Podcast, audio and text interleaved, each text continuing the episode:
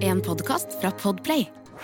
David Bowie, geni og stifinner. I didn't strive for success. I strived to do something artistically important. Her er Finn Bjelke. På sin bursdag 8. januar i 2013 slapp David Bowie et nytt album. Ingen markedsføringskampanje, ingen pressekonferanse eller intervjuer. Coveret var en dekonstruert versjon av Heroes og en av få utgivelser som ikke viste Bowies ansikt og aktuelle image.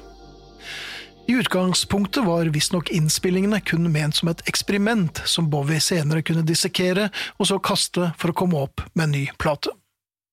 Den første singelen som ble sluppet fra The Next Day er muligens et rart førstevalg, siden mye av repertoaret på platen til tider er ganske gitartungt og konfronterende. Men Bowie var aldri helt overbevisende som rocker. De fleste av oss foretrekker nok den introverte tenkeren og den oppstykkede tvileren fremfor en etter hvert aldrende artist som Peter Pan-aktig klamrer seg til fortiden og prøver å pusse på tidens tann med høyere gitarer og oppjaget perkusjon. Where Are We Now er David Bowie som 66-åring. I en slags limbo mellom middelalderen og siste runde.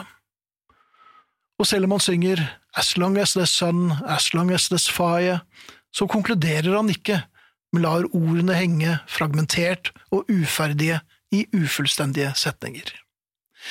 I videoen til Where Are We Now stiller Bowie utrolig nok i en T-skjorte fra musikal-kalkunfilmen Song of Norway. Hans store ungdomskjærlighet hadde en rolle i filmen, og det kan kanskje tolkes som om David Bowie ser seg bakover og finner ut at han er akkurat som alle andre aldrende menn. Where Are We Now var Bowies første nye musikk på ti år, og han slapp låten kun digitalt.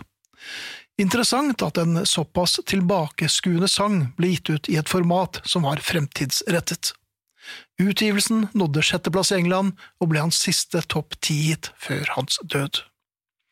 Where Are We Now ble produsert i samarbeid med hans til tider faste våpendrager Tony Visconti, og kan også sees eller høres som en hyllest til Berlin, en by David Bowie hadde et svært sterkt forhold til. Where Are We Now er en god kandidat til akkompagnement i begravelser, og der fikk jeg en idé, gitt. Ungsamtalen fra DNB er økonomisk veiledning tilpasset deg som er ung. Bokk en ungsamtale på dnb.no. ung. Ok, det var jo en syk døll måte å forklare ungsamtalen på, da. En smart prat om penga mine, ville jeg sagt. Ikke sånn kjedelig økonomisprat, skjønner du.